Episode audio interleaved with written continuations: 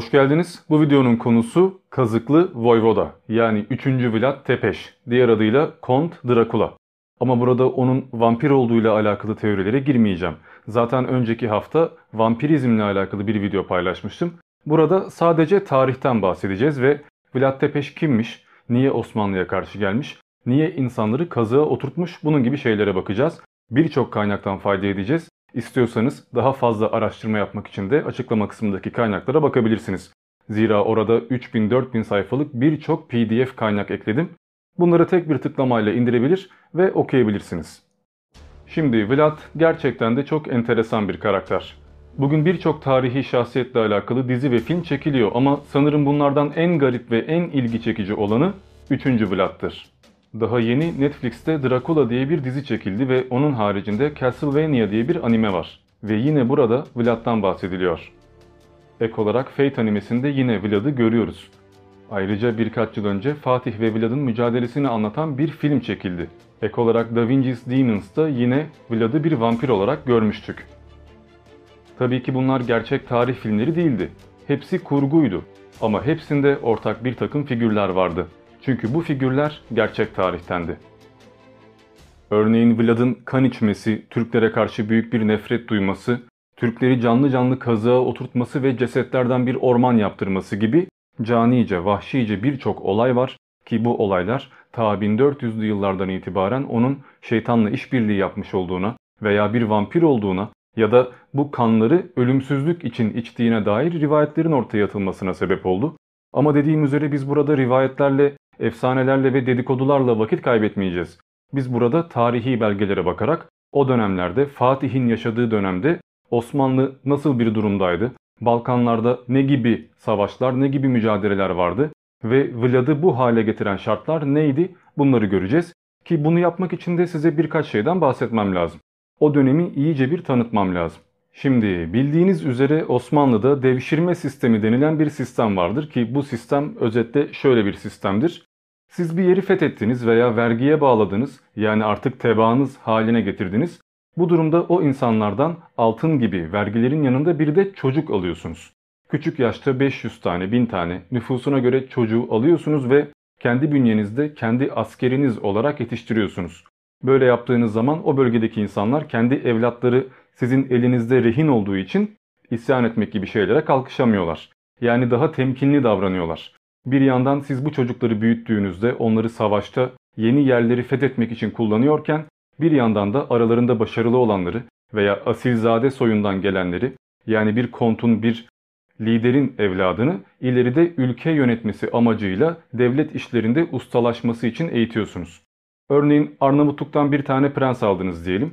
İleride o prensi Arnavutluğa sizin adınıza haraç toplasın, sizin adınıza vergi toplayarak milleti yönetsin diye geri gönderiyorsunuz. Bunu yaparken çocuk bir yandan Osmanlı içinde büyüdüğü için Osmanlı'ya karşı bir ilgisi oluşuyor. Bir sempati duymaya başlıyor ve ileride Osmanlı düşmanlığı yapmıyor.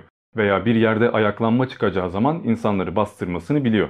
Yani bir bakıma çocukların beynini yıkamış oluyorsunuz ki bu bir imparatorluk için mükemmel bir sistemdir. Hatta bugün bizim övündüğümüz birçok paşa, birçok mareşal, birçok büyük devlet adamı aslında aynen böyle devşirme sistemiyle Osmanlı'ya sokulmuş insanlardır.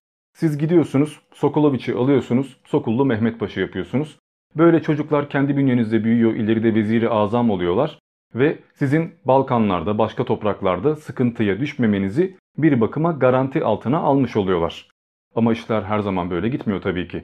Arada bazıları isyan etmeye de çalışabiliyor veya bazıları geldiklerinde geçmişini unutmuyorlar. Annesini, babasını, toprağını, vatanını hatırlıyorlar ve belki de Osmanlı içindeyken çok güzel bir hayat yaşamıyorlarsa ileride bunun öcünü almak istiyorlar. Osmanlı içindeyken kendilerini bir ajan gibi her şeyin farkında olarak yetiştiriyorlar ve ileride yüksek mevkilere geldiği zaman bu çocuklar bu gücü kullanarak yani Osmanlı'nın gücüyle Osmanlı'ya saldırarak isyan etmeye başlıyorlar ki bunun gibi ortaya çıkan isyanları saymakla bitiremeyiz. Vlad da işte bu şekilde Osmanlı'ya devşirilen fakat beklendiği gibi iyi bir sonuç vermeyen ve ileride gücü eline geçirdiği zaman özellikle Türklere karşı büyük bir düşmanlık beslemiş olduğunu ortaya koyan biridir. Hatta bu düşmanlığını öyle bir ortaya koymuş, öyle bir öç almaya çalışmıştır ki adı Kazıklı Voyvoda olarak tarihe geçmiştir. Çünkü yaptığı şeyler gerçekten de pek insani şeyler değildi. Ya bu Kont Drakula efsanesi boşu boşuna ortaya çıkmadı. Vlad öyle bir adam ki Romanya için ulusal bir kahraman. Orası için gerçekten bir cevher, bir övünç kaynağı. Çünkü Romanya'yı Romanya yapan kişi aslında Vlad'tır. Osmanlı için bir haindir. Elimizde büyüttüğümüz ve yediği kaba pisleyen şerefsizin tekidir. Avrupa için karizmanın dibidir. Bana sorarsanız videosunu yapmaya değecek kadar psikopatın önde gidenidir. Ama biliyorsunuz ben burada bizim tarihimizmiş, başkalarının tarihiymiş, dostmuş veya düşmanmış gibi bakmıyorum. Tarih dünyanın tarihidir ve tarihe objektif bakmak gerekir. Ben de burada objektif bir anlatım yapacağım. Arnavut kaynaklarından, Yunan kaynaklarından, İtalyan kaynaklarından, Roman kaynaklarından ve Osmanlı kaynaklarından fayda ederek birçok bakışla birçok belgeyle ortak bir anlatım yapmaya çalışacağım. Çünkü bazen bazı olaylar kesinlikle bilinemiyor. Farklı farklı rivayetleri oluyor. Bir tarihçi farklı kaydediyor, diğeri farklı kaydediyor. Birisi kendi görüşüyle yazıyor, diğeri tamamen alıntı yapıyor ve bırakıyor. Dolayısıyla bizim tarihte neler yaşandığını tam olarak anlamamız için tüm belgelere bakmamız lazım. Bütün tarihçilerin anlatımlarını kontrol etmemiz lazım. Çünkü diyelim ki Sultan Süleyman zamanında yaşadınız. E bu durumda Sultan Süleyman'ı kötüleyebilecek bir tarih yazma şansınız yok. Bir hata yapmışsa bile onun haklı olduğunu söyleyebilmek adına kıvırmanız gerekiyor. E, kötü bir şeyler yazanlar zaten öldürülüyor. He, eleştirenler kimler olabilir? Düşman orduları olabilir. Ama onlar da zaten düşman oldukları için düşman gözüyle eleştiriyorlar. E, Süleyman'dan sonra Süleyman'ı anlatanlar da ecdadımızdır mantığıyla yazıyorlar. Dolayısıyla tarih gerçekten de biraz problemli bir alan. Vlad'ın gerçek ataları günümüzde Romanya sınırları içerisindeki bir bölge olan Valakya'nın savaş prensleriydi. Vlad'ın babası taht için sıradaydı ama yolunun üstünde birçok akrabası vardı. Bu nedenle Transilvanya valiliği göreviyle yetinmek zorundaydı. Bu arada babasının da adı Vlad'dır. Yani arada isimler karışmasın. Babası 2. Vlad, bizim kazıklı Vlad'sa 3. Vlad. Bunu da bir ayrıntı olarak belirteyim. İkinci Vlad yani Baba Vlad 1431 yılında bir şövalye olarak Kraliyet Ejderler Birliği'ne katıldı ve oraya girdikten sonra da Drakul adını aldı. Yani ejderha. Oğlu da yani bizim kazıklı Voyvoda da Vlad Drakula adını aldı çünkü Drakula ejderin oğlu anlamına geliyor. Ha, aynı zamanda şeytanın oğlu anlamına da geliyor ki gerçekten de bu isme yaraşır bir şeyler yapacağını söyleyebiliriz. Gerçi adını şeytanın oğlu koyduğunuz birisinden pek de çiçekle böcekle uğraşmasını bekleyemezdiniz zaten. Adam daha çocukken bile böyle kurbağaları, kuşları kazığa geçirtip parçalayıp çeşitli deneyler yapmaya başlamış. Bugün yaşasa muhtemelen Dexter gibi birisi olurdu herhalde. Ha, karakterinin böyle şekillenmesindeki tek sebep adı değildi tabii ki. Sonuçta onun doğduğu dünya entrikalarla dönen, herkesin birbirine politik işler çevirdiği, birbirini arkadan bıçakladığı, sürekli devrim yapılan bir dönemdi ki doğdu diyoruz ama tam olarak doğduğu yılı da bilmiyoruz aslında. Kimi kaynak 1428'de doğduğunu söylüyor, kimi kaynaksa 1431'de dünyaya geldiğini söylüyor. Ama çoğunluk 31 yılında karar kılmış. E biz de öyle kabul edelim, 31 yılında doğduğunu varsayalım ve 1431'de doğmuş gibi ileride yaptığı şeylerde yaşını hesaplayalım. Vlad henüz 3 yaşındayken babası kendi kuzenlerinden birini öldürdü ve Valakya tahtına geçti yani darbe yaptı. Böylece bizim Vlad da gerçek bir prens olmuş oldu. Ki Vlad'ın iki tane de kardeşi vardı. Birisi ondan küçük, yakışıklı Radu diye biliniyor. Diğeri de ondan büyük ama o maalesef tarih sahnesine çıkamayacak. Çok erken bir yaşta öldürülecek ki oraya da birazdan geliyoruz. Vlad ve kardeşi Radu tam bir soylu gibi büyütüldüler ve daha çocukluk yaşlarındayken ata binmek gibi, ok atmak gibi, kılıç kullanmak gibi konularda ustalaştılar. Ancak işler her zaman böyle gitmeyecekti. 1442'ye gelindiğinde 2. Vlad yani Baba Vlad Osmanlı'ya karşı bir ayaklanmaya katıldı. Ancak başarılı olamadı ve Osmanlı galip geldiğinde fidye olarak çocuklarından iki tanesini istedi. Abileri zaten büyüktü onu almaya gerek yoktu ama Radu'yu ve Vlad'ı devşirme sistemine dahil etmek için fidye olarak, rehine olarak aldılar. İki kardeş aslında kısa bir sürede uyum sağladılar çünkü zaten kendi evlerindeyken de soylu eğitimi alıyorlardı. Osmanlı da onlara soylu gözüyle baktı ve ileride Eflak bölgesine veya diğer Roman bölgelerine vali olsunlar tahta geçsinler diye onları eğitmeye başladı. Ha şunu da belirteyim devşirme sistemi öyle çok da kötü bir sistem değildir aslında. Siz mesela gidiyorsunuz Bulgaristan'dan her yıl bin tane çocuk alıyorsunuz ve bu çocukların hepsi soylu çocuklar değil. Kimi insanlar güle oynaya veriyorlar. Çünkü benim oğlum gidecek, Osmanlı'da büyüyecek, en azından aç kalmayacak, eğitim görecek, belki ileride paşa olacak, yükselecek diyorlar ve kendi istekleriyle veriyorlar. Ama asilzade olanlar, zengin olanlar için bu bir problem. Çünkü onlar zaten rahat. Çocuklarını verdikleri zaman sömürülsün diye vermiş oluyorlar ve çocuklarının beyni yıkanacak diye korkmaya başlıyorlar. Bazen böyle oluyor gerçekten de. Bazı çocuklar işte bu beyin yıkama olayına fazla uyum sağlayamıyorlar ve ileride öç alma mantığına giriyorlar. Ama çoğunlukla çocuklar Osmanlı'ya sempati duyuyorlar ve Osmanlı içinde yükselmek için her şeyi de yapıyorlar. Özetle devşirme sistemi fakirler için bir lütuftur, güzel bir şeydir ama zenginler için bir sömürüdür. Dolayısıyla zenginlerin buna verdiği tepki daha farklıdır. Bunu da aklımızda tutmak lazım. Vlad ve kardeşi sömürülen çocuklardandılar ama sadece savaşla, devlet yönetimiyle değil, birçok şeyle alakalı ders gördüler. Yani bir bakıma faydalı bir şekilde sömürüldüler. Özel bir ilgiyle büyütüldüler çünkü ileride bugünkü Romanya bölgesine yani ana vatanlarına bir vali olarak gönderileceklerdi. Osmanlı'nın hayrına oralardan vergi toplayacaklardı. Sultan II. Murat özellikle Vlad'la yakından ilgileniyordu. Çünkü çocuk zehir gibiydi. Vlad'ı kendi oğluyla arkadaş yaptı. Mehmet'le, ileride Fatih Sultan Mehmet diye nam salacak olan Mehmet'ten bahsediyoruz. Bayağı iyi arkadaş oldular, birlikte eğitim gördüler hatta hocaları bile aynıydı. O kadar yakınlaştılar ki birçok kaynakta geçtiği üzere kan kardeşi bile oldular ve birbirlerine ölene kadar sadık kalacaklarına dair söz verdiler. Zaten bu yüzden ileride Vlad'ın yapacağı birçok şeyde Fatih göz yumdu, sineye çekti, tolerans gösterdi ve Vlad kendi rütbesindeki herkesten daha özgür, daha kuvvetli bir şekilde hayat sürdü. Vlad iyi çocuktu aslında ama bir problem vardı. Yaşı o kadar da küçük değildi. Eğer 31 doğumluysa 11 yaşında, 28 doğumluysa 14 yaşında olması lazım ki bu devşirilmek için büyük bir yaş.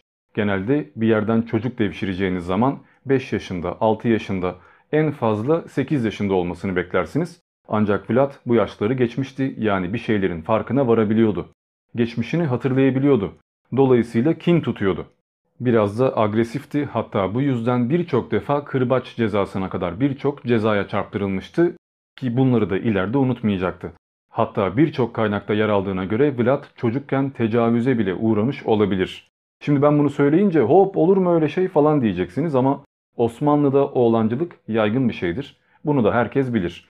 Sağ olsun son zamanlarda Murat Bardakçı'nın Osmanlı'da Seks gibi kitaplarından sonra insanlar bu konuları konuşmaya başladılar ve bu gibi konularda daha cesur bir şekilde anlatım yapmaya ve belgeleri tercüme etmeye başladılar. Çünkü Cevdet Paşa tarihinde bile bunlar yazıyor aslında. Kadınlar evlenmek çocuk yapmak içindir, erkeklerse gönül eğlendirmek içindir gibi birçok ifade var. Neyse bunlarla fazla vakit kaybetmeyelim. Ben burada sadece Vlad'ın nasıl bir hayat yaşamış olduğunu görmenizi istiyorum. Nasıl bir psikoloji içindeydi, neler yaşamıştı. Şimdi baktığınız zaman çocuk yaşta devşirilmiş, geçmişini hatırlıyor, annesini babasını özlüyor ve Osmanlı içinde esir olduğunun farkında. İleride de Osmanlı adına savaşması için gönderilecek, belki de ölecek. Vlad devşirilirken dünya karma karışıktı. Özellikle Balkanlar bölgesi karman çormandı. Papalık sürekli Haçlı seferi yapmaya çalışıyordu. Hangi bölge Hristiyan, kim bize yardım edecek diyerek sürekli insanları zorluyordu. E bir yandan Osmanlı daha İstanbul'u almamıştı. Balkanlara tamamen hakim olamamıştı. Dolayısıyla Osmanlı da bir yandan baskı yapıyordu. E ortada Doğu Bizans İmparatorluğu var. Onlar da insanları rahat bırakmıyor. Herkes savaşırken bir yerleri fethederken Balkanları bir köprü olarak kullanıyor, bir saha olarak kullanıyor ve arada olan Romenlere, Bulgarlara, Arnavutlara vesaire oluyor. Arada Macaristan İmparatorluğu var. Herkes kendine bir kon seçmiş, herkes bir yerleri fethetmeye çalışıyor. Ve bu esnada siz kendi vatanınızda neler var neler yok bilmiyorsunuz. Sadece ileride savaşmak için hazırlanıyorsunuz. İşte bu esnada belki de babanız veya diğer insanlar ne yapacağına karar vermeye çalışıyorlar. Çünkü herkes kendi bağımsızlığını ilan etmeye çalışıyor. Ben papaya bağlı değilim, ben Osmanlı'ya vergi vermem, ben Bizans'a vergi vermem. Herkes özerk bir toplum, özerk bir ülke kurma peşinde. E bu esnada işler karıştıkça karışıyor. Her yerden bir kont, her yerden bir voyvoda, her yerden bir lider çıkıyor ve ne olacağını bilemiyorsunuz. O dönemde hani kral diye anlatıyoruz, lider diye anlatıyoruz ama 15-16 yaşında insanlar tahta geçiyor. Yani bu savaşa gidenler, ölenler, öldürenler aslında çocuk yaşta insanlar. Ki biz bugün Fatih nasıl 20 yaşında İstanbul'a girdi diyoruz ama o dönem için 20 yaş büyük bir yaş. 1444'te Vladislav diye bilinen Macar kralı ve Janosch Hunyadi gibi diğer bölge baronları Papa ile işbirliği yaptı ve 2. Murad'a karşı bir ordu toplandı. Bugünkü Bulgaristan ve Varna bölgelerinde bu iki grup çarpıştılar ve arada Eflak bölgesinde ve çeşitli Balkan bölgelerinde birçok problem çıktı. Vladislav'ın ordusu daha kalabalıktı ama kazanamadılar. Osmanlı galip geldi ve Vladislav savaşta öldü. Bu esnada Janosch Hunyadi, Eflak Bey'i Vlad gibi boyun eğmedi. Ben yine saldıracağım dedi, yine gücümü toplayacağım dedi ve diğer küçük bölgelere saldırmaya başladı. İleride Macaristan kralı olmak istiyordu ve devirebildiği herkesi devirecekti. İlk hedefinde de Eflak vardı. Çünkü Eflak şu anda Osmanlı'ya bağlıydı.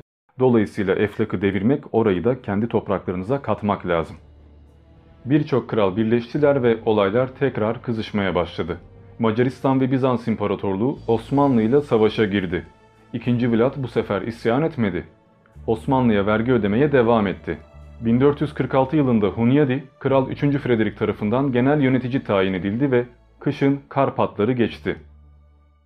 İlk iş olarak da dediğimiz üzere Eflak'a saldıracaktı ki bunu yaptı ve maalesef bizim Kazıklı Voyvoda'nın babasını, annesini, abisini, bütün sülalesini öldürdü ve Valakya topraklarını ele geçirdi. Bu durumdan sonra bizim Vlad'ın nasıl bir psikolojiye girdiğini düşünmeye başlayın. Anneniz, babanız, aileniz, yıllardır görmediğiniz bütün insanlar sırf Osmanlı'ya sadık kaldılar diye öldürüldüler. Çünkü 2. Vlad Osmanlı'ya vergi vermeye devam etti ve bu Hristiyanlarla birleşmedi.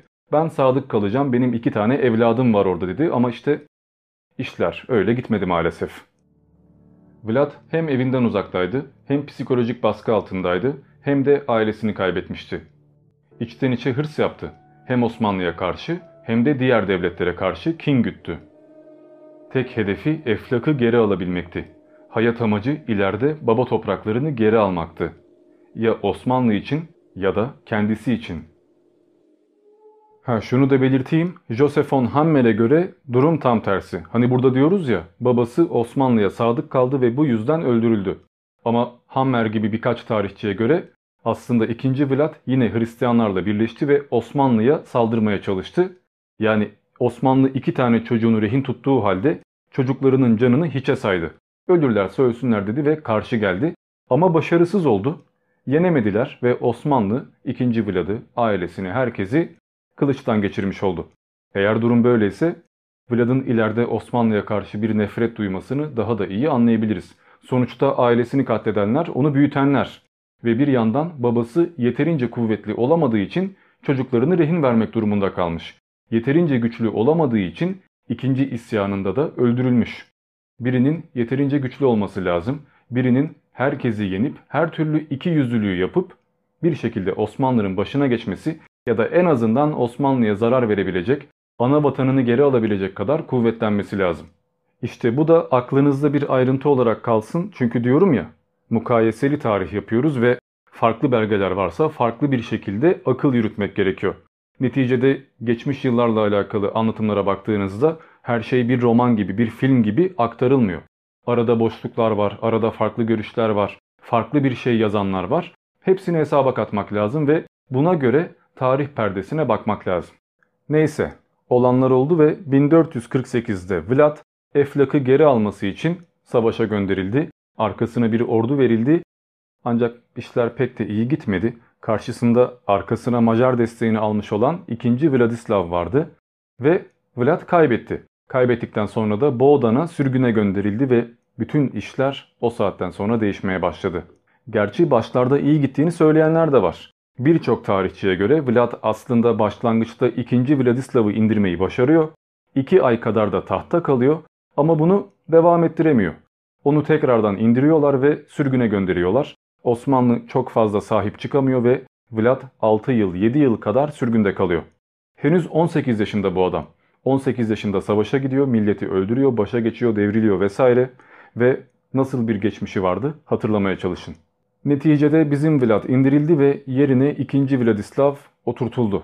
Sonra Balkanlarda problemler devam etti. O sürgündeyken birçok olay yaşandı ama burada genel bir Balkan tarihi anlatmıyoruz. Burada ana konu Vlad'ın hayatı ve yaptıkları. Dolayısıyla biz şu sürgün üzerinde biraz duralım. Şimdi diyeceksiniz ki ya adam bir savaş kaybetti diye sürgüne mi gönderilir? Zaten daha kaç yaşında sanki ama şöyle bir durum var. O dönemle alakalı elimizde tonla belge olmadığını söylemiştik. Herkes bakıyor aradaki boşluklara göre bir akıl yürütüyor ve demek ki böyle olmuş ya da böyle olması gerekiyormuş diyorlar. Biz de akıl yürüteceğiz ve durumların niye böyle geliştiğini anlamaya çalışacağız. 2 tane, 3 tane senaryo yazacağız. Mesela ilk senaryoya göre şöyle düşünebiliriz. Vlad sonuçta çocuk değildi değil mi? Alındığında birçok şeyin farkındaydı. Yani ihanet etme ihtimali de vardı. Belki de Vlad gerçekten bilerek kaybetti. Oraya gittiğinde Osmanlı ordusunu çarçur etmiş oldu. Belki de işbirliği yaptı. Bu durumda adamın sürgüne gönderilmesi lazım. Çünkü öldürmeye kalksanız problemler çıkabilir. Sonuçta Roman halkı Eflak bölgesi hala onu prens olarak tanıyor. E öldüremeyecekseniz en mantıklı olanı tabii ki de adamı sürgüne göndermek ve hayatta tutmak. Çünkü burada bir satranç oynanıyor, politika yapılıyor. Eğer bir gün Vlad'dan faydalanmaları gerekirse, onu bir koz olarak kullanmaları gerekirse Vlad hayatta olduğu için tekrardan çağırabilecekler. Beyin fırtınası yapmaya devam edelim ve bir de şöyle düşünelim bakalım. Belki de Vlad gerçekten Osmanlı'ya sadıktı. Herhangi bir hainliği yoktu, aklında öyle bir şey yoktu. Ama adam toydu ve yeterince iyi değildi, başarılı olamadı. Bu durumda sürgüne gönderilmesi haksızlık olur. Şunu da göz ardı etmemek lazım. Sürgüne kimin gönderdiğini de tam olarak bilemiyoruz. Osmanlı mı gönderdi yoksa düşman askerleri onu tahttan indirdiğinde alıp da esir kampına mı yolladılar? Bunları bilmiyoruz. Bilmediğimiz için de işte akıl yürütmek zorunda kalıyoruz. Birçok tarihçi de şöyle üçüncü bir yola kayıyor ve şunu söylüyorlar. Ne yaşamış olursa olsun fark etmez. Vlad satmamış olabilir. Ama gerçekten başarılı olsaydı ve başa geçseydi bile ileride tekrardan ihanet ederdi. Yani elinde sonunda bu adam zaten Osmanlı ile karşı karşıya gelecekti. Ne yaşandıysa yaşandı ama sonuçta Vlad'ın karakteri buradan sonra iyice değişmeye başladı veya gerçek karakteri ortaya çıktı. 1456 yılına kadar Vlad esaret hayatı yaşadı ve 56 yılında Yanoş Hunyadi, Erdel Bey'iydi bu arada, tekrardan Osmanlı'ya saldırmak için bir plan yapmaya başladı. Çünkü o esnada Eflak'ın başında bulunan 2. Vladislav Osmanlı'yı kabul etmişti. Son dönemlerde Osmanlı'ya vergi vermeye başlamıştı ve papalığı yok saymaya başlamıştı. İşte Hunyadi'nin Eflak'ı ele geçirmesi ve başına birini tayin etmesi lazım. En uygun isim de Vlad. Adam zaten oranın meşru prensi, bir de sürgüne gönderilmiş, Osmanlı ile arası açılmış, her türlü işine yarayacak. Vlad, Belgrad kuşatması sırasında doğu tarafını Osmanlılara karşı savundu ve gece vakti çaktırmadan Eflak'a doğru bir sefer düzenledi. 22 Ağustos 1456 yılında 2. Vladislav'ı tahttan indirdi ve Eflak'ın başına geçti. Eflak voyvodası oldu.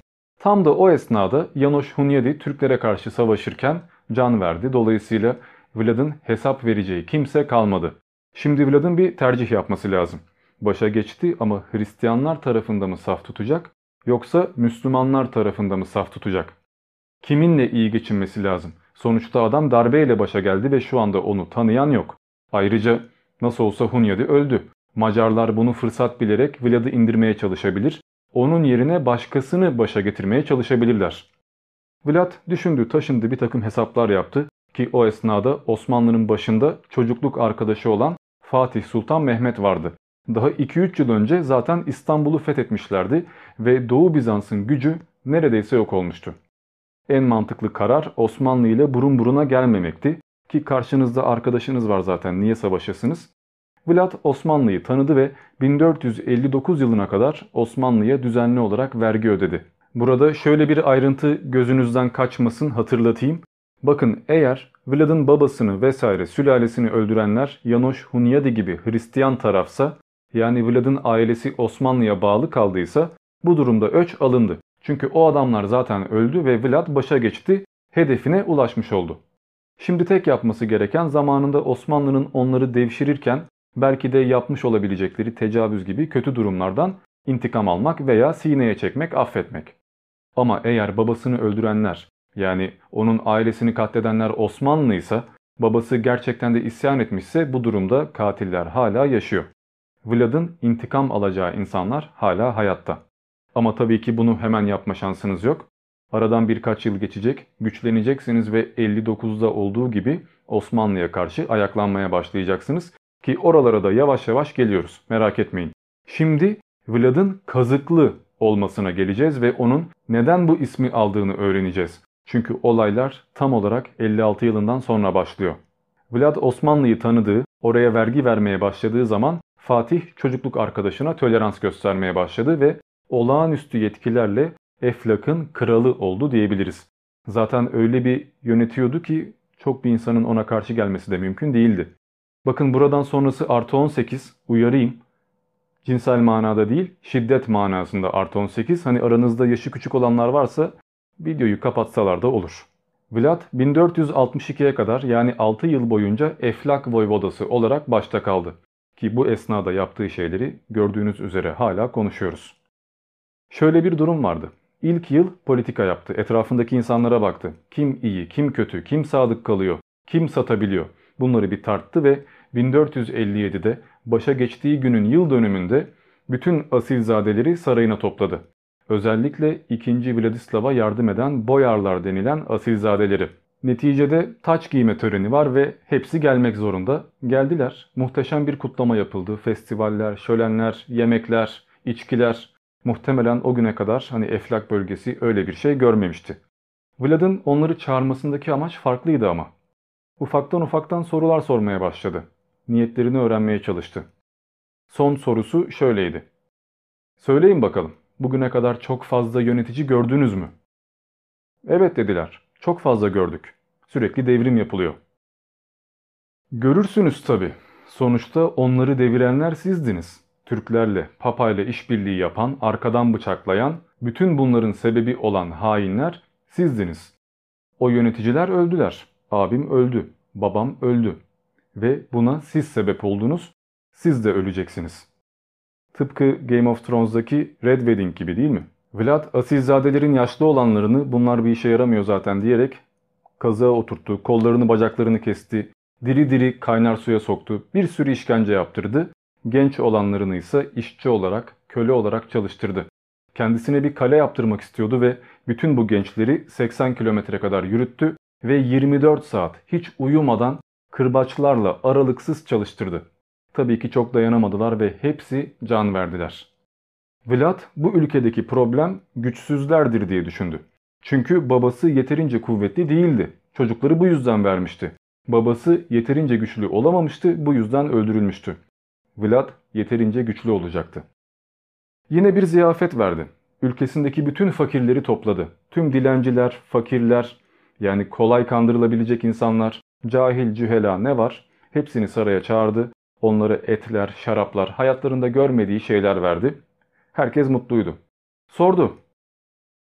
Sonsuza kadar bu sefaletten kurtulmak istiyor musunuz? Rahat etmek istiyor musunuz? Herkes tabii ki diye cevap verdi. İstediler. Vlad da isteklerini yerine getirdi. Hepsini oracıkta öldürdü. Onları ebediyen bu ızdıraplarından kurtarmış oldu. Çünkü bu insanlar satın alabileceğiniz insanlar. Onlar fakir, onlar çok bir şey düşünmüyor. Onlar başa kim gelmiş, kim gitmiş, kim devrilmiş umursamıyorlar. Başlarındaki adama değil onlara para verenlere bakıyorlar ve Vlad'ın ülkesinde böyle şeylere yer yok. Vlad hızını alamadı ve geçen yıldan kalan savaş esirlerini kazığa oturtmaya başladı ve bu kazıkları da dikerek bir orman yapmaya başladı. Gerçi burada kazığa oturttu diyoruz ve hızlıca geçiyoruz ama bu öyle çok kolay bir süreç değil. Bayağı vahşice bir yöntem. Üstelik Vlad bu kazığa oturtma olayını da profesyonelleştirmiş birisi. Yani adama boşuna kazıklı voyvoda demiyorlar. Bunu iyice abartmış. Bu işkence yönteminde kazık hiçbir hayati organa zarar vermeden kıç tarafından sokuluyor ve belirli bir raddeden sonra ilerlemesi engelleniyor. Tıkanıyor yani. Kişi günler boyunca yavaş yavaş ölüme terk ediliyor. Bu ölüm öyle hızlı bir ölüm değil. Kimi zaman insanlar 2 gün 3 gün kadar can çekişiyorlar ve Vlad da karşılarına oturup onlar çığlık atarken onları izleyerek yemek yiyor. Bu kazık sokma işleminde kazık ya ağızdan ya da sırttan çıkıyor ve delip geçerek insanı öldürüyor. Cesetler orada öylece bırakılıyor. O kadar çok kişi kazığa oturtulmuş ki bunların sayısı on binlerle ifade ediliyor. Vlad kazıkları sarayının girişine dizmeye başlamış ve bu kazıklardan bir orman yapmış. Kilometrelerce süren ceset dolu bir orman. Ayrıca Vlad çivili koltuk gibi çeşitli işkence aletleriyle de türlü türlü eziyetler icat etti. Hatta adam yatak odasını işkence odalarının tam ortasına kurdurdu. Gece uyurken milletin çığlık ve ağlama sesleriyle uyumaya kendini alıştırdı. Psikolojik olarak kendini öyle bir eğitti ki, öyle bir karaktere büründü ki sonunda bundan zevk alır hale geldi. Hatta ileride insanların kanını içmeye bile başlayacaktı.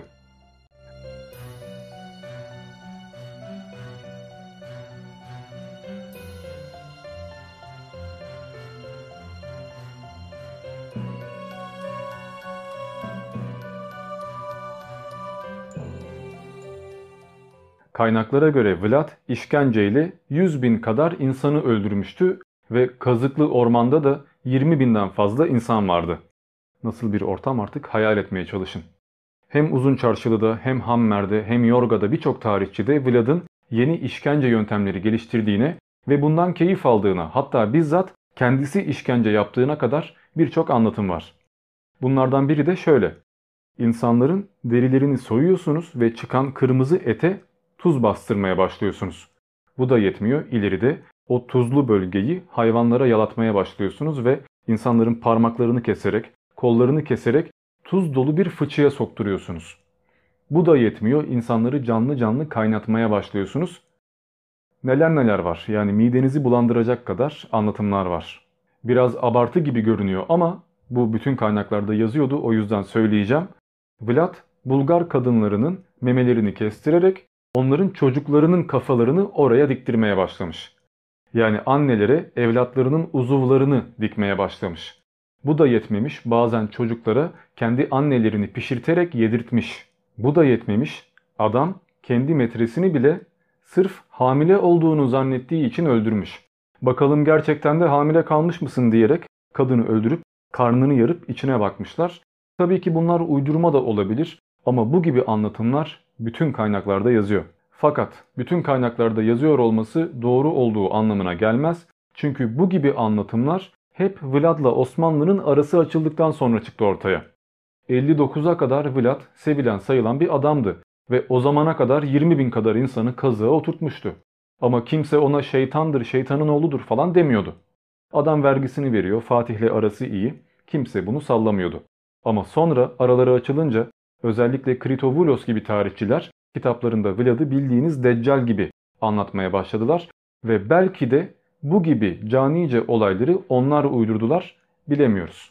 60'lı yıllara kadar kimse Vlad'ı kötü olarak anmıyordu. Yani düşmanları hariç.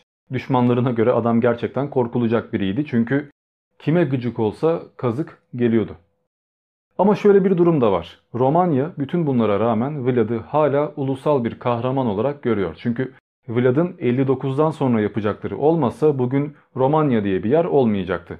Adamla gurur duyuyorlar. Bir yandan yine şöyle bir durum var. Vlad belki böyle kötü, cani bir adam olabilir ama onun döneminde ülkede hiçbir suç işlenmemiştir. Yani birisi bir suç işlese zaten kazığa gidecek. Dolayısıyla ne tecavüz ne cinayet hiçbir şey olmadı. Hatta Vlad bunu kanıtlamak için şehrin göbeğine altından bir tas koydu ve bir çeşme yaptırdı. Gelen geçen, tüccar, seyyar herkes su içebilsin dedi. Normalde altın bir tas öyle ortalıkta dursa çalar götürürsünüz. Ancak 6 yıl boyunca kimse o tası oradan çalmaya cesaret edemedi. Peki ne oldu da Vlad birdenbire böyle rahat rahat diktatörlüğünü yapıyorken, tiranlığını ortaya koyuyorken Osmanlı ile arasını açmak zorunda kaldı? Niye isyan etmek durumunda kaldı? Bu geçmişin bir öcü müydü yoksa başka durumlar mı vardı? Olaya şöyle bakabiliriz. O dönemde Vlad Romanya ya Eflak'ın başındaydı ama sonuçta Eflak Eflak'tır. Roman Roman'dır. Oradaki halk Osmanlı halkı değil. Vlad belki Osmanlı'da eğitim almış olabilir ama oradaki halk hala aynı halktır. Dolayısıyla etrafta bir takım bölgelerde İskender Bey gibi insanlar isyan edip özerkliğini ortaya koyduğu zaman Vlad'dan da aynı şey beklendi. Karpatlarda bir milliyetçilik dalgası esmeye başladı. Bazı bölgelerde insanlar Osmanlı'ya isyan ettiler ve başarılı oldular. Fatih gibi bir adam bile uğraşmak istemedi, ateşkes yaptı. Dolayısıyla aynı şey Vlad'dan da beklendi. Sen de karşı gel, babanın öcünü al, görevini yerine getir ve bizi kurtar. Osmanlı'ya muhtaç değiliz. Niye vergi veriyoruz ki? Gibi muhalefetler oluşmaya başladı ve Vlad başlarda bunları elinden geldiği kadar ezmeye çalıştı. Kim ona muhalefet olsa, kim akıl vermeye kalksa, kim karşı gelse hepsini kazağa oturttu. Bir gram bile eleştiriye tahammül etmedi. Ama bir yere kadar sonuçta ortalıkta bazı gerçekler var ve insanlar konuşamasalar da bir şeyleri görüyorlar. Evladın da geçmişten kalan bir takım hırsları vardı hatırlarsanız. Bir süre sonra artık bunlarla mücadele edebilmek için kendisini içkiye vermeye başladı. Sabah akşam şarap içiyordu ki bazılarına göre bu kandır. Kan içtiği söylenir. Ve Vlad iyice kafayı yemeye başlamıştır. Hatta şizofrenleşmeye başlamıştır. Neticede adam hani yatak odasını bile işkence odalarının ortasına koymuştu hatırlarsanız. Çok da mantıklı bir insan olmasını bekleyemezsiniz. Bir süre sonra yavaş yavaş isyan etmeye, tepkisini koymaya çalıştı ve 59 yılında artık vergi vermeyi bıraktı. Hatta Osmanlı'ya vermesi gereken vergileri halkına dağıttı ve böylece halkını da gaza getirmiş oldu. Adama bak hem herkes ondan korkuyor hem de bize para dağıtıyor. Yerim ben böyle lideri. Dolayısıyla Vlad kendi ülkesi için bir kahramandı ama o saatten sonra Osmanlı için bir haindi ve işler kızışmak zorundaydı. Yine de Fatih başlarda Vlad'a son derece tolerans gösterdi. En baştan ya derdin bir anlat bakalım dedi. Yani direkt olarak savaş çıkmadı. Vlad'ın savaş çıkartacak kadar bir takım şeyler yapması gerekiyordu. Ki onlardan 2-3 tanesini örnek verebiliriz aslında. Vlad'ın bu kararsızlık döneminde Macar kralı Matyas Vlad'a tekliflerde bulundu. Ben arkandayım dedi. İstiyorsan beraber Osmanlı'ya karşı bir ayaklanma çıkarabiliriz. Hatta teminat olarak seni kuzenimle evlendireyim. Kuzeni Elizabetha ile Vlad nişanlandılar ve Vlad isyan etmeye hazırlandı. Çok geçmeden Nibolu bölgesine bir sefer düzenlediler ve Vlad orada birçok insanı katletti, ganimet toplayıp geri döndü. Tabii ki başta Fatih buna bir anlam veremedi. Hani ne oluyor? Kaç yıllık arkadaşım durduk yere niye bana karşı geliyor? Ne var bir hata mı ettik ya da bunun derdi nedir? Bir çağırtalım öğrenelim diyor. Tabii ki bir takım kişilere göre bu çağırtma olayı aslında bir tuzak. Vlad'ı başkente çağıracaklar ve hapse atacaklar. En azından Vlad böyle düşünüyor ve Fatih'in bu soru sormaları neticesinde yani malumat beklemesi neticesinde Vlad bir takım şeyler düşünmeye başlıyor. İlk olarak Edirne bölgesindeki elçiler Vlad'dan malumat almak için daha doğrusu hesap sormak için gidiyorlar.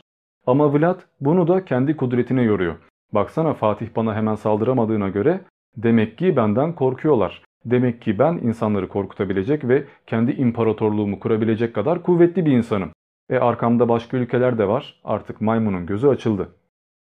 Bu durumda Edirne bölgesindeki elçiler Vlad'a geldiğinde Vlad ne yapıyor sizce? Tabii ki de onlara da kötü bir şeyler yapıyor. Örneğin elçiler başlıklarını çıkartmıyorlar. Çünkü Osmanlı'da başlık çıkarıp reverans yapılmaz. Başlık saygınlık belirtisidir ve ilim göstergesidir. Bir rütbedir aslında. Hatta Mevlana ile alakalı birçok fıkrada bile Mevlana'nın böyle bir bina boyutunda başlık taktığı söylenir. Çünkü ilmi çok büyüktür. Yani bu İslam geleneğinde ve Osmanlı geleneğinde böyledir. Bir elçi eğer saygın bir elçi ise başlığını çıkarmadan selam vermek zorunda. Çünkü başlık çıkartmak Hristiyanların yapacağı bir şey. Vlad diyor ki Eflak kralının huzurundasınız. Benim karşıma başlıkla çıkamazsınız. Başlıklarınızı indirin ve selam verin. E adamlar biz böyle bir şey yapamayız bunu sen de biliyorsun diyorlar. Sonuçta Osmanlı'da büyümüş birisi. Başlık çıkaramayacaklarının farkında. Bu yüzden zaten çıkartmalarını istiyor. Onlar, elçiler başlık çıkartmadıkları zamanda madem öyle, madem bu başlık bu kadar kıymetli o zaman ölene kadar başınızda kalsın bari diyor ve başlıkları üçer çivi ile kafalarına çakıyor. Bu Fatih'in kulağına gittiğinde Fatih artık rütbesi gereği padişah olduğu için buna tahammül etmiyor. Çabuk buraya gel ve bana bir açıklama yap yoksa tüm muhabbetimiz bitecek diyor. Kimi kaynaklara göre de aslında Vlad kendisi gelmek istiyor. Ben İstanbul'a geleyim seninle bir konuşalım diyor ama iki türlü de bunun gerçekleşmediğini biliyoruz. Vlad şöyle bir çakallık yapıyor. Ya ben oraya gelirim ama ülke boş kalır. Şimdi Macarlar benden bir şey bekliyorlar. Sen benim yerime ülkede kalacak 2-3 tane paşa gönder. Onlar benim yerime yönetsinler. Ben o esnada geleyim sana bunları anlatayım. Çok fena şeyler oluyor. Fatih tamam diyor ve Vidin valisi Hamza Paşa ile yanında Yunus Bey'i gönderiyor. Bu ikisi gidip ondan 10 bin altın kadar vergi alacaklar 500 kadar çocuk devşirecekler ve Vlad'ı alıp gelecekler. Ancak Vlad onları karşılayacağı yerde Tırgovişte kapıları önünde bu ikisini birden kazığa oturtuyor. Hatta Hamza Bey'i rütbeli olduğu için bir paşa olduğu için daha yüksek bir kazığa oturtuyor ve rütbesini böyle gösteriyor. Tabi kazığa oturtmadan önce kollarını kesmek, bacaklarını kesmek, çeşitli işkenceler yapmak gibi canice hareketleri de var. Koskoca Osmanlı paşası bilgi alacağım diye giderken uğradığı durum herkesin kulağına gittiği zaman özellikle Mahmut Paşa bunu gidip Fatih'e bildirdiği zaman Fatih sinirinden köpürmüştü ve Mahmut Paşa'ya bir tane tokat sallamıştı. Bunu nasıl yaparlar demişti. Bu saatten sonra artık arkadaş markadaş işler değişmişti ve Osmanlı resmi olarak Eflak'a savaş açmıştı. Fatih yaklaşık olarak 250 bin kişilik bir orduyla Vlad'ın üzerine yürümeye hazırlandı. Kimi kaynaklara göre bu sayı 300 bin kadardı ama özetle Osmanlı var gücüyle saldırıya geçti. Ama bunlar bir günde olmadı tabii ki. Hani ben burada oldu bitti gibi anlatıyorum ama arada aylar geçiyor hatta yıl geçiyor. Fatih öyle büyük bir orduyu toplamaya hazırlanıyorken Vlad bütün çevre Türk köylerine saldırıyor, her yerden ganimet topluyor, insanları katlediyor. Yakalayabildiği bütün Türkleri kollarını keserek, bacaklarını keserek, haşlayarak, çeşitli işkenceler yaparak kazığa oturtuyor ve bu kazıklı ormanı büyüttükçe büyütüyor. Hatta özellikle Türklerin kanını fıçıya doldurttuğu ve kafatasından bir kadeh yaptırarak kan içmeye başladığı bile söyleniyor. Çünkü kan güçtür. Kara büyüde kan can demektir, ruh demektir. Egemenlik yolunda olan biri kan ile kutsanır veya Tanrı'ya kurban verirken can alıyorsunuz. Dolayısıyla ya bu adam bu fıçılara kanları niye doldurdu? Demek ki içiyor dendiğinde de onun bir vampir olduğuna dair söylentiler çıkmaya başladı.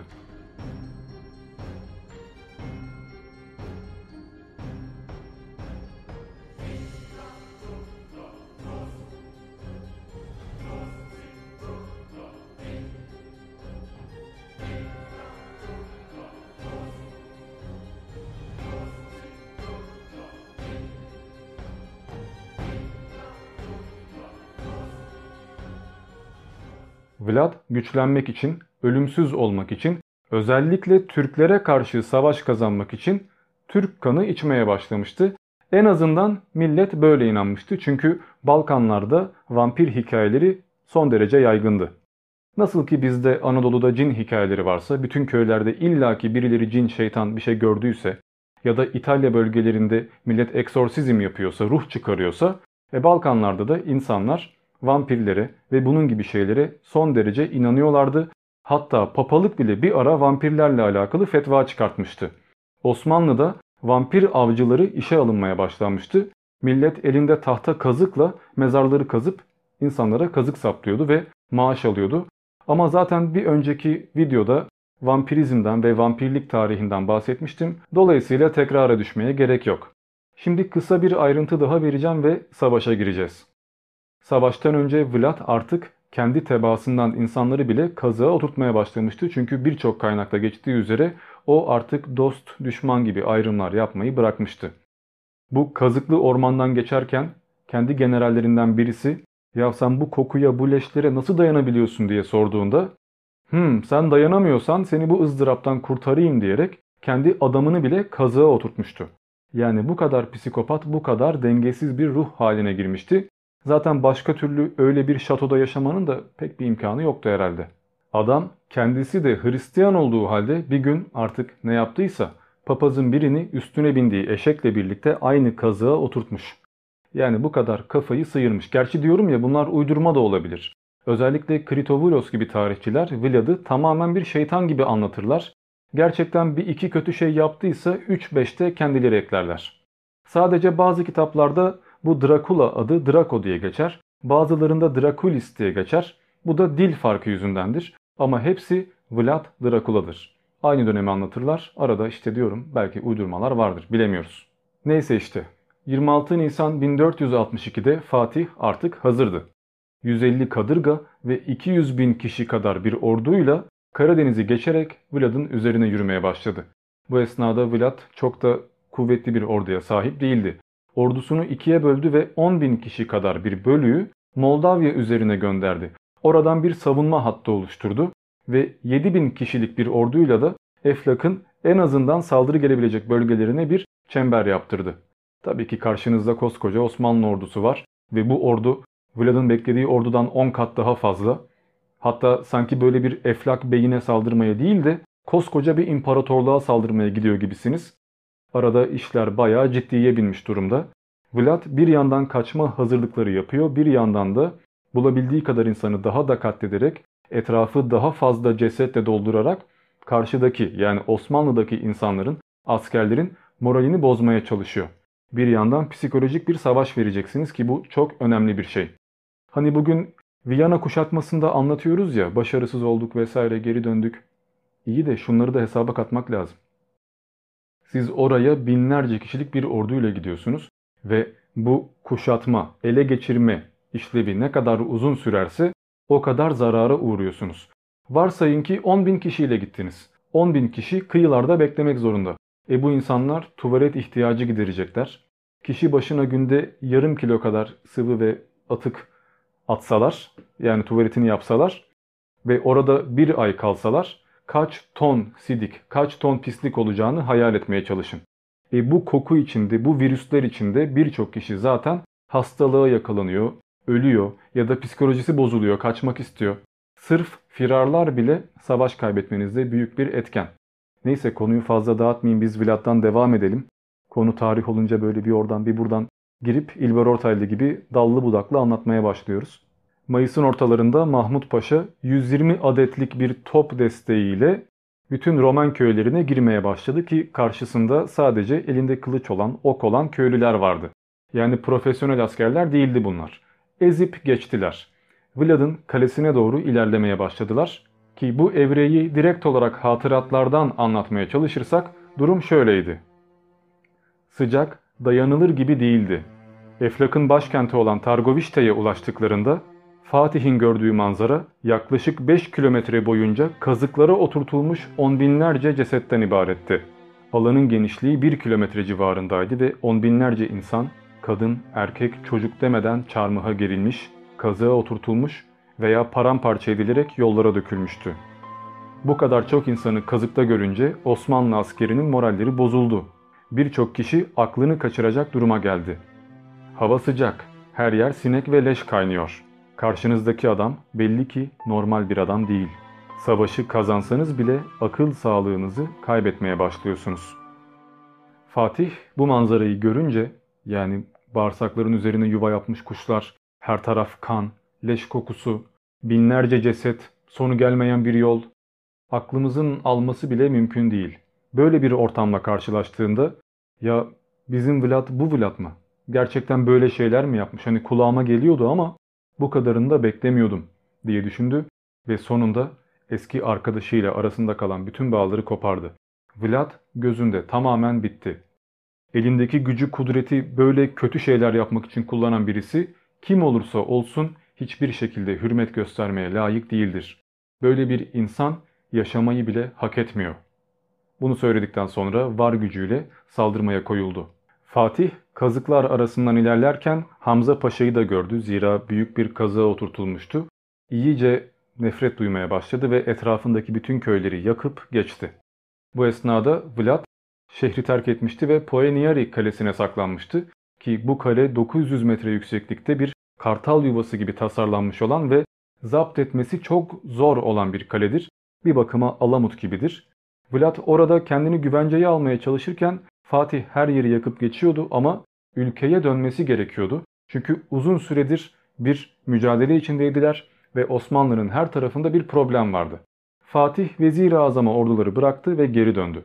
Bu esnada Osmanlı ordusu dört kere saldırmayı denedi. Üçünde başarısız oldu ancak dördüncüsünde kaleyi ele geçirmeyi başardılar. Bu esnada Vlad'ın karısı Elizabeta kendini surlardan aşağı bıraktı. Zira Osmanlı askerleri onu yakalasa kim bilir ne yapacaktı. Dolayısıyla en kolay yöntem kendini öldürmekti. Vlad böyle yapmadı. Vlad atının nallarını ters çaktırarak yani onu takip edecek insanları yanlış yöne sevk ederek kaçmaya başladı ve yakalanamadı. Gitti bu sefer Macarlardan destek istemeye başladı ancak birçok kaynakta şöyle bir şey anlatılıyor. Kaçmadan önce Fatih bölgeyi terk etmeden önce bir gece gizlice çadırların arasına girip Fatih'i öldürmeye çalışmış ancak yanlış çadıra toslamış. Tabii ki ben bunun doğru olduğunu düşünmüyorum ve birçok tarihçi de bunun uydurma olduğunu düşünüyor. Ki bu birçok filme de konu olmuş bir şeydir. Ya burada şöyle bir durum var. Koskoca Osmanlı içine giriyorsunuz ve siz sultana suikast düzenlemeye çalışıyorsunuz. Sonra da elinizi kolunuzu sallayıp geri kaçıyorsunuz. Pek de mümkün bir şey değil. Mantıklı da değil. Kaldı ki Vlad böyle bir risk alacak bir insan değil zaten. Dolayısıyla bu suikast girişimi muhtemelen uydurmadır. Ama Vlad'ın Poenieri kalesinden kaçtığını ve bir şekilde Macarlara destek amaçlı sığındığını biliyoruz. Ama Vlad kaçmadan önce yine son bir koz oynadı. Hatırlıyorsanız başlarda ordunun bir kısmını Moldavya bölgelerine göndermişti. Şimdi onlara ihtiyacı vardı. Vlad kaçarken bu 6-7 bin kişilik ordu en azından Osmanlı'yı oyalayacaktı. Mahmut Paşa'nın hatıratına göre askerler içecek su bile bulamadılar. Uzun bir süre mücadele ettiler ve tamamen bütün Eflak ordusunu, bütün askerleri öldürdüler. Turhanoğlu Ömer Bey kesin bir zafer göstergesi olarak 2000 kadar Eflak başını ordugaha götürdü ve Fatih bu hareketi sayesinde onu Teselya Beyliği ile ödüllendirdi. Bir yandan da Vlad'ın küçük kardeşi Rado'yu yeni Eflak voyvodası olarak başa getirdi. Artık Vlad'ın dönebilecek hiçbir toprağı yoktu ve kardeşine düşman olmuş durumdaydı. Üçüncü Vlad tam anlamıyla yenilmişti. Yine de verebildiği kadar zarar vermeye çalıştı. Kaçarken taş üstünde taş bırakmadı. Terk ettiği topraklardaki kuyuları zehirlettirdi ve ekinleri yaktı. Hatta hayvanları bile katlettirdi. Üstüne bir de hapishanelerdeki mahkumları, cüzzamlı ve vebalı hastaları Osmanlı'nın üzerine saldı. Vlad'ın Macaristan'a sığındığını söylemiştik hatırlarsanız ve Macaristan'dan pek de iyi bir karşılık alamamıştı. Bu durum şöyle oldu aslında. Şimdi Macaristan direkt olarak Vlad'ı satsa, almasa Osmanlı'dan korktukları için böyle yaptılar diyenler çıkar. Vlad'ı destekleyenler belki problem çıkarabilir. Bir oyun yapmaları lazım. Burada Vlad'ı hapishaneye attırdılar, Vişegrad'a gönderdiler ve sebep olarak da şunu gösterdiler ki bununla alakalı iki teori var. Birinci teoriye göre Vlad aslında Macaristan'da saklanıyorken bir yandan Fatih'e mektuplar yazmaya başlamış. Ben hala senin arkadaşınım, kandırıldım, işler bildiğin gibi değil, beni affet. Hatta istiyorsan güvenini kazanmak için Macar kralını bile öldürebilirim. Suikast düzenleyebilirim. Ben sana buradan bilgi göndereyim, sana zayıf bölgeleri söyleyeyim, sonra gel burayı fethet demiş. Sonra bu mektupları Vlad'ın küçük kardeşi Radu, Fatih'e iletilmeden önce bulmuş ve Macar kralına geri göndermiş. Bak yanındaki adam bir hain demiş. Macar kralı da kendini garantiye almak için Vlad'ı hapishaneye göndermiş. İkinci teori ise ki mantıklı olan da budur bence şöyle. Vlad kimseye mektup falan yazmadı. Bu kadar aptal bir adam değildi. Fatih bu saatten sonra onu affedemezdi yani bu belli bir şey. Ama Macar kralı işte korkak gibi görünmemek için veya Vlad'dan kurtulmak için böyle bir komplo düzenledi. Sahte mektuplar yazdırdı ve Vlad'ın bunları yazdığını iddia etti. Böylece halk en azından he Vlad hainmiş o zaman problem yok diyecekti. Burada şunu belirtmek lazım. Bunları bir tek biz düşünmüyoruz. Yani bir tek akıllı biz değiliz. O dönemde birçok politika dönüyor, birçok hainlik var. Herkes birbirini arkadan bıçaklıyor, iftira atıyor. Yani o dönemdeki diğer liderler de Vlad'ın gerçekte böyle bir şey yazmamış olabileceğini düşünüyorlar. Hatta Papa özellikle bunu şaibeli görüyor ve kontrol etmesi için adam gönderiyor. Nikolas Mordrus isimli elçi durumu öğrenmek için Macaristan'a gittiğinde bulduğu mektuplardaki yazının Vlad'a ait olmadığını söyledi. Zira bu adam Vlad'ı her yönüyle araştırmıştı. Hatta bugün Vlad'ın portresine ulaşmamızı sağlayan kişi de bu kişidir. Vlad'ın bütün yüz hatlarını yazmış ve hem hatırladıklarından hem de notlarından ileride bir tablo çizdirmiştir. Yani Vlad'ın meşhur portresi aslında robot resim mantığıyla çizilmiştir. Yine de gerçeğine çok yakın bir şekilde resmedildiği düşünülüyor. Mordrus'un anlattığına göre Vlad'ı gördüğünde Vlad yara bere içindeymiş, işkence gördüğü açıkmış yani baya bir dayak yemiş. Muhtemelen bu mektupları üstlenmesi istenmiş, evet ben yazdım demesi istenmiş ama Vlad kesinlikle bütün bu mektupları reddetmiş ve kendisinin yazmadığını sonuna kadar savunmuş. Vlad öyle veya böyle yıllarca zindanda kaldı fakat bu durum değişmek zorundaydı. Yıllar sonra Osmanlı gitgide güçleniyorken Papa yeni bir politika izlemeye karar verdi. Bir Haçlı seferi düzenleyecekti ve bunun içinde bir sembole ihtiyacı vardı. Osmanlı düşmanı, Türk düşmanı, insanların korktuğu bir varlığa ihtiyacı vardı ki bunun için Vlad son derece mükemmeldi. Son derece uygundu. Tabii ki Vlad'ın serbest bırakılması için bir takım şeyler vaat etmesi gerekiyordu ve aynı zamanda şartlar da koyuyordu. Sonuçta Papa ne isterse o olacak. Birinci şart Vlad artık Ortodoksluğu bırakacaktı ve Katolik olacaktı. İkinci şartsa Corvinus'un yani onu içeri tıktıran adamın kuzeniyle evlenecekti. Böylece hem arada kan bağı olacak hem de Vlad bağlılığını kanıtlamış olacaktı. Corvinus da tabii ki bir takım yardımlar, destekler alacaktı. Yıl 1474. O güne kadar Fatih'in kardeşi Radu, Eflak'ı tamamen Osmanlı'ya bağlı bir şekilde yönetti ve vergilerini ödedi. Ancak bir kaza sonucu öldü. Belki de suikasti, onu bilmiyoruz. Ancak Radu öldükten sonra Basarap bölgeyi ele geçirdi ve bu durum her şeyi değiştirdi.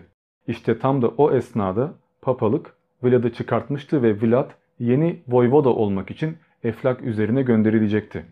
Fatih de bunun farkındaydı. Zira Fatih artık Vlad içerideyken bile, hapisteyken bile her hareketini kontrol ettiriyordu. Etrafına ajanlar yerleştirmişti ve Vlad çıktığı anda bunun haberi Fatih'in kulağına gitmişti. Olacak şeyler belli. Vlad gönderilecek, Eflak'ı geri almaya çalışacak ama bu esnada onu engellemek lazım. Bir daha o adamın o toprakların başına gelmesine izin vermemek lazım. Vlad yine de Eflak voyvodası olmayı başardı çünkü arkasında Büyük Stefan gibi insanların desteği vardı. Eflak'ın başına geçti ama bu durum çok da uzun sürmedi. Çünkü Fatih tez Vlad'ın kellesi getirile diye haber saldı ve Mihailoğulları akıncıları Vlad'ın peşine düştüler. Vlad 300 kadar askerle kaçmak zorunda kaldı ve en sonunda Transilvanya ormanlarına saklandı. Bir rivayete göre Vlad, Snagov Manastırı yakınlarında yakalandı ve öldürüldü. Başka bir rivayete göre ise mesela Hammer'in anlattığına göre ise onun yaptığı zulümlerden bıkan bir köle Vlad arkası dönükken bıçak sapladı ve bir suikast sonucu Vlad'ı öldürmeyi başardı. Öyle veya böyle Vlad bir şekilde öldü ve onun bedeni kazığa oturtuldu. Bu kazıklanmış başsız beden Snagov Manastırı'na Bükreş yakınlarındaki bir bölgeye gömüldü ve kafası da İstanbul'a götürüldü. Kafası da bir kazığa geçirildi ve günlerce İstanbul sokaklarında gezdirildi. Vlad'ın kesin olarak öldüğü ve kimsenin artık Osmanlı'ya isyan etmemesi gerektiği yoksa sonunun bu olacağı insanlara açıkça gösterildi. O güne kadar yapmadığını bırakmayan, bütün dünyanın korktuğu Vlad artık yoktu ve o günden sonra da Eflak'ta Osmanlı'yı kızdıracak kadar büyük problemler asla yaşanmadı. Romenlere göre onların kurtuluş savaşçısı olan 3. Vlad Tepeş idealleri uğrunda can vermişti. Osmanlı'ya göre ise hainin biri layığını bulmuştu. Ancak Vlad'ın bir vampir olduğu rivayeti Almanya, Macaristan ve Rusya'da çoktan yayılmıştı. Hatta yeniden dirileceğini söyleyenler bile vardı tıpkı bir Mehdi gibi veya Deccal gibi. Üstelik Sabatay Sevi ortaya çıktığında yani 17. yüzyılda tamam kıyamet yaklaşıyor işte Vlad kalkacak bizi kurtaracak diye düşünen birçok roman vardı. Vlad gerçekten bir sembol haline geldi. Öyle ki korkunç Ivan bile rol model olarak, idol olarak Vlad'ı göstermişti. Bugün birçok yerde hala Vlad'ın heykelleri yapılıyor ve Romanya'da özellikle Vlad bir kahraman gibi hatta Romanya'nın kurucusu gibi görülüyor.